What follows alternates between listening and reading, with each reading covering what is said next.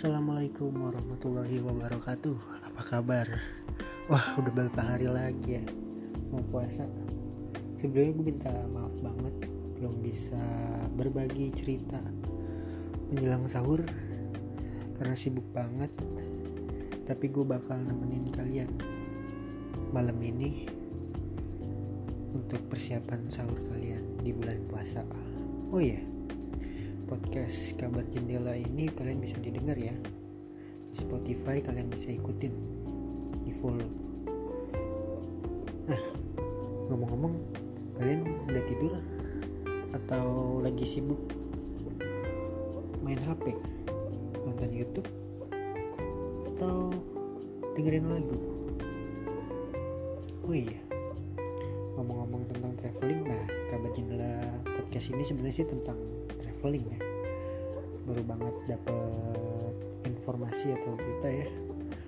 Ada kabar baik kalau film tentang traveling Indonesia raih penghargaan di Bulgaria. Wah patut jadi kebanggaan nih. Sedikit gue ceritain. Jadi film tentang traveling ini ada dua film.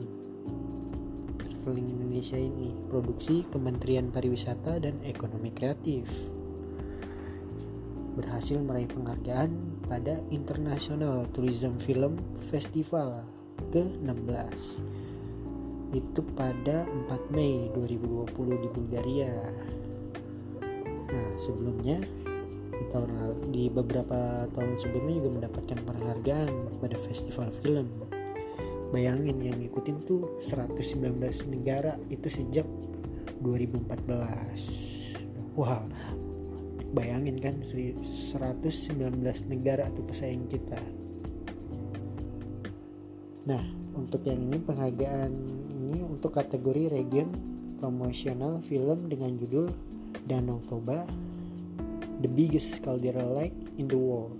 Dan penghargaan kedua untuk kategori Ecotourism Promotional Clip dengan judul Raja Ampat The King of the Ocean Raihan penghargaan tersebut disampaikan langsung oleh Duta Besar Republik Indonesia untuk Bulgaria, Sri Astari Rashid, kepada Deputi Bidang Pemasaran Bidang Pariwisata Ekonomi Kreatif.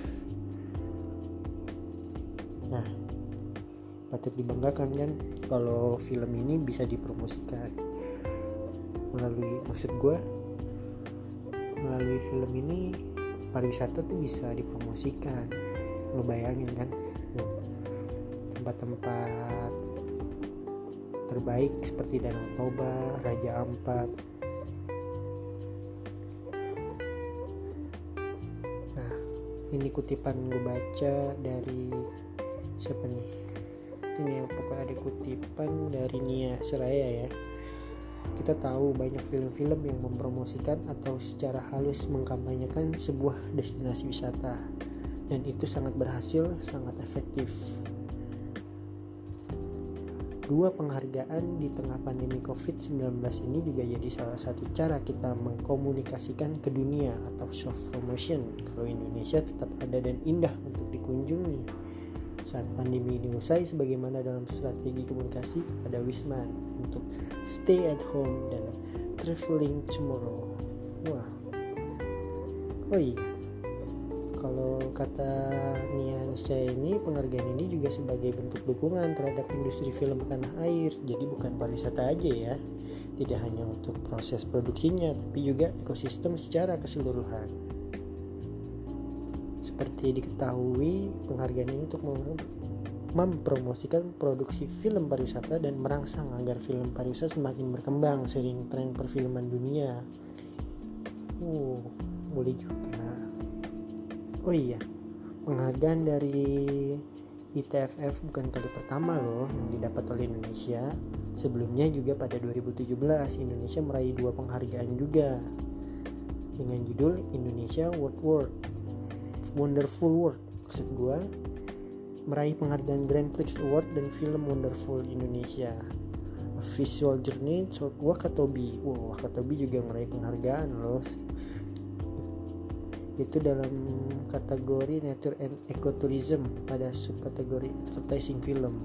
Wah patut dibanggakan ya.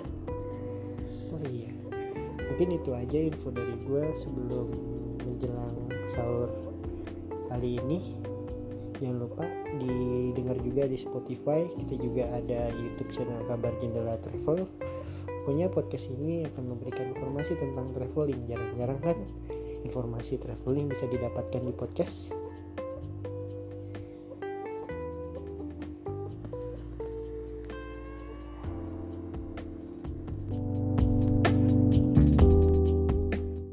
Di bulan puasa ini aku juga mau ngucapin selamat menunaikan uh, ibadah puasa. Okay, guys?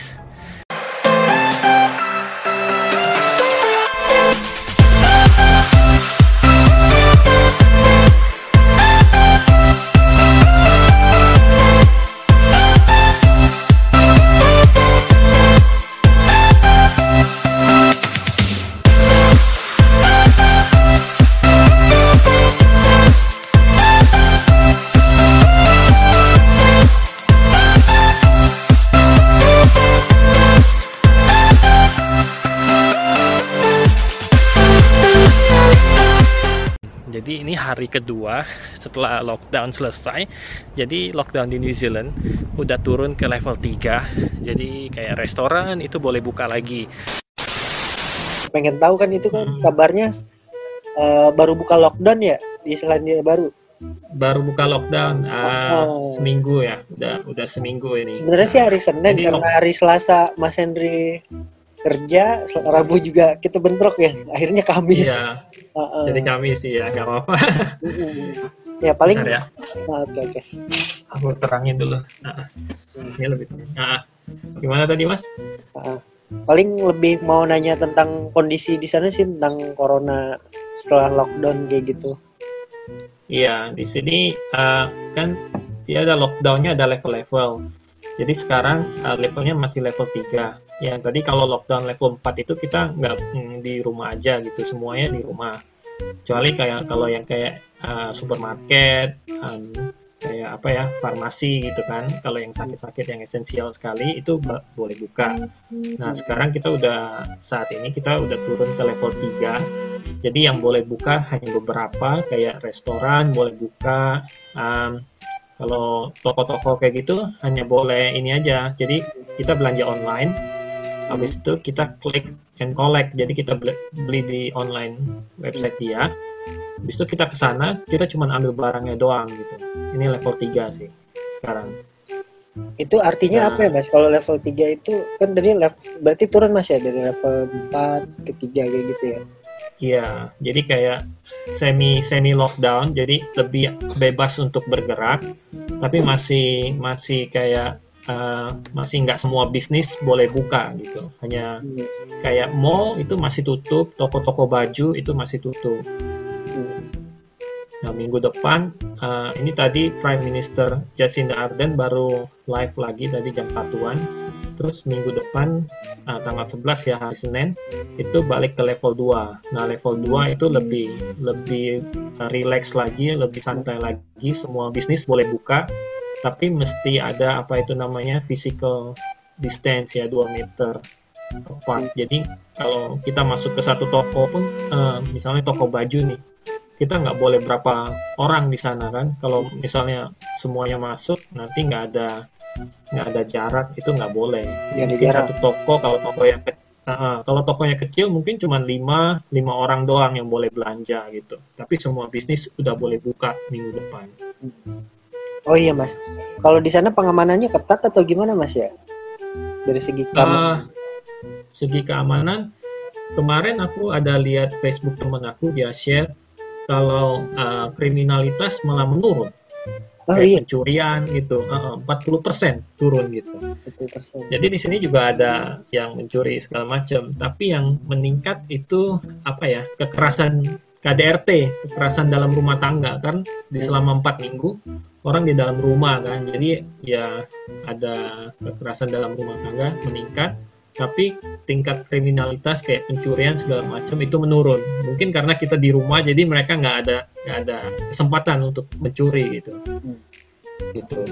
Hmm. paling mas kalau pertama kali mas tahu uh, corona ini awalnya gimana mas? Di sana kabarnya waktu itu? Iya waktu itu ada satu orang yang dari Iran dia pesawat dia dari terbang dari Iran terus dia transit di Bali itu first case-nya di New Zealand. Jadi dia dia uh, positif corona uh, di Auckland ya dia mendaratnya di Auckland Nah, habis itu baru baru mulai itu semua yang banyak kan kasus di New Zealand ini banyak kan yang kasusnya dari luar negeri semua. Mereka balik-balik dari Amerika, dari uh, mana-mana lah pokoknya balik ke New Zealand. Nah, habis itu mulai tuh mulai berkembang. Itu orang udah udah panik panik panik buying ya kayak di Indonesia juga mereka pergi ke supermarket beli beli barang segala macam tapi di sini ya stok masih banyak gitu ya dan setelah aku ingat banget itu setelah 100 kasus itu langsung um, prime ministernya uh, berlakuin level 4 lockdown ini oh karena langsung. di sini kan juga um, soalnya iya, iya, Maret Maret uh, itu terakhir Maret itu kan nggak ada penambahan korban lagi di sana kabarnya Maksudnya yang positif Maret, ya? Maret baru lock. Maksudnya penambahan uh, Maret korban. baru lockdown, baru start lockdown. Uh, uh. Abis dari situ udah ada korban, korban lagi. Maksudnya kasus positif? Uh, kasus positif kayaknya uh, dia lockdown dulu, terus baru ada yang meninggal gitu. Oh gitu. Uh, uh, kalau nggak salah 27 apa 20 sekitar 20 akhir Maret itu dia lockdown itu hari Kamis lockdown eh hari ya hari Kamis lockdownnya nah habis itu ya udah mulai berkembang itu. Mulai sampai berapa ratus gitu kan naik naik naik terus. Dan yang terkena yang banyak yang meninggal nih yang di kotaku karena dia kena ke apa itu rumah panti jompo kayak gitu mas. Jadi yang usia-usia yang udah 80 90 tahun itu yang banyak meninggal. Uh, tapi Mama, ini total korban sampai sekarang cuma 21. Saya di Christchurch, kota Christchurch. Iya. Itu paling banyak ya? Christchurch. Yang meninggal paling banyak. Ka tapi kalau kasus positif yang paling banyak di Auckland. Auckland. Auckland itu ya populasi Auckland itu itu paling padat ya kalau di Selandia Baru itu populasinya satu juta orang lebih satu juta oh, iya, setengah gitu jadi uh, mm -mm. Terus Mas nih uh, di sana tinggal sama siapa Mas? Sama keluarga. Keluarga. Uh, sama kalau boleh kalau boleh tahu kerja atau emang udah lama tinggal di sana? Saya sih lihat di beberapa informasi tentang Mas tuh udah 12 tahun di sana. Benar nggak?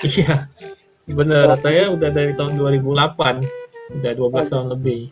2008. Nah, jadi A, 2008. A, a, sebenarnya itunya di mana mas ya? Waktu pas di Indonesia itu terakhir di mana? Di, di Indonesia pindah ke sana? Uh, jadi pertama kali saya kan aslinya orang Palembang, hmm. tapi saya uh, kuliah sama kerja eh, lima uh, tahun, enam tahunan lah di Jakarta habis aku kuliah kuliah di binus habis uh, tamat uh, kuliah di binus satu tahun satu tahun setengah kerja gitu kan di di Jakarta habis itu uh, ya ke sini gitu karena uh, dulu masih pacar saya dia kuliah di New Zealandia Baru oh emang habis kebetulan itu, pacarnya ya, di sana ikut gitu dia bilang oh iya dianya sudah ke sini duluan habis itu kita nikah di sini gitu 10 tahun yang lalu. oh ya Mas, ini kan nggak gampang ya sekarang. Kerja. Bertahan di sana apalagi kondisi oh. corona ini yang apa namanya? Uh, kita nggak tahu bakal kejadian kayak gini kan. Tiba-tiba ada iya, kasus global kayak gini, itu cara bertahan Mas di sana kayak gimana sebagai warga negara Indonesia, Mas? Uh, kita di sini karena saya kerja kan, jadi pemerintahan ada dia pas waktu lockdown itu kan kita nggak boleh kerja. Tapi dari pemerintahan New Zealand dia ada kasih kayak subsidi gitu. Subsidinya satu minggunya sekitar 500 dolaran ya, 500 berapa dolar gitu. Itu uh, ya kalau di luar negeri itu cukup gitu untuk bayar rumah sama makan gitu. Memang nggak apa kalau kita rupiahin kan gede ya, tapi uh, biaya hidup di luar negeri kan juga itu satu bulan atau berapa gitu. hari mas? Itu, per 500 dolar itu per minggunya dia kasih dia kasih di sini kan uh, kita semua bayar per minggu. Jadi tapi uh, rata mas bayarnya bukan, per minggu dia rata mas. Maksudnya hmm. uh, bukan hanya negara Selandia Baru warga asing juga yang lain imigran-imigran yang lain. Uh, enggak enggak. Jadi cuma um, orang yang kerja. Yang ada kontrak kerja gitu. Jadi orang asing nggak dikasih. Ya, misalnya orang asing masuk sini dia turis. Dia cuma uh, melancong gitu ya. Pakai visa turis atau pakai visa apa itu nggak nggak dikasih kalau dia nggak nggak kerja. Jadi kalau ada kontrak kerja aku kan udah kerja sama perusahaan ini enam bulan lebih ya. Uh, itu dikasih gitu. Jadi temen aku ada di Queenstown orang Indonesia juga. Dia kerja sebagai chef dia belum jadi permanen residensi di sini. Dia masih work permit itu juga dapat subsidi itu. Jadi semua orang yang kerja dapat subsidi. Oh intinya nggak nggak nggak nggak apa namanya nggak termasuk apa yang turis itu ya? Belum belum tentu dapat ya walaupun turis ya? Hmm. nggak nggak dapat turis nggak dapat jadi yang yang ada kontrak kerja aja yang lagi kerja itu dapat dapat subsidi itu. Oh ya mas. kondisi kondisi warga negara Indonesia di sana gimana mas? Sekarang sampai sekarang ini mas sampai sekarang ya kita di sama KBRI jadi setiap daerah kayak aku di Christchurch itu ada kayak kayak ibu RT-nya lah ya atau ketua RT-nya jadi setiap daerah itu ada kita koordinasi dengan dengan uh, kelompok kita dan juga Pak Dubes. Dia uh, suka tanya-tanyain juga melalui ibu RT atau Pak RT di setiap daerah. Misalnya tempat aku ada ibu Meli dia yang koordinasi dia tanya-tanya ada yang butuh bantuan apa enggak kayak gitu beberapa minggu, eh seminggu yang lalu atau beberapa hari yang lalu itu juga Pak Dubes, Pak Tantowi Yahya, uh, Dubes kita juga dia lakuin Zoom untuk uh, para pelajar yang ada di mahasiswa yang ada di Selandia Baru. Jadi dia cek juga. Nanti Sabtu ini kan kita ada uh, ada uh, TKI ya tenaga kerja Indonesia yang kerjanya di bidang perkebunan itu juga nanti ada Zoom untuk uh, bersama Pak Dubes di hari Sabtu ini jadi Pak Dubes juga kontrol semua uh, orang-orang Indonesia yang ada di sini. Bagus sih KBRI-nya. Support gitu. Nah di segmen kedua ini biasanya gue sama Lingga sih bacain seperti yang dijanjikan selama bulan Ramadan ini. Kalian punya apa namanya toko online makanan dan minuman. Itu kita share juga gratis uh, ya berhubung Lingga kurang sehat jadi gue sendiri di sini uh, yang gue pengen bacain itu ada GM8 itu lagi jalan donasi untuk THR anak yatim. Uniknya mereka ini jualan takjil seperti aneka gorengan kolak dan juga apalagi tuh kuliner-kulinernya. Oh ya sebuah juga. Hasil dari penjualan itu nanti akan dibagi-bagikan 100% untuk anak yatim. Wah, semoga di bulan Ramadan ini menebar kebaikan ya. Mungkin ini aja konten kali ini. Jangan lupa di-share juga ke teman-temannya.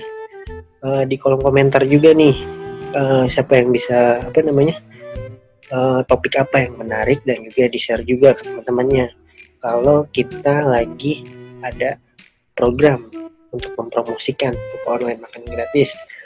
Tetap jaga kesehatan semua. Sampai jumpa. Oke? Okay? Dadah.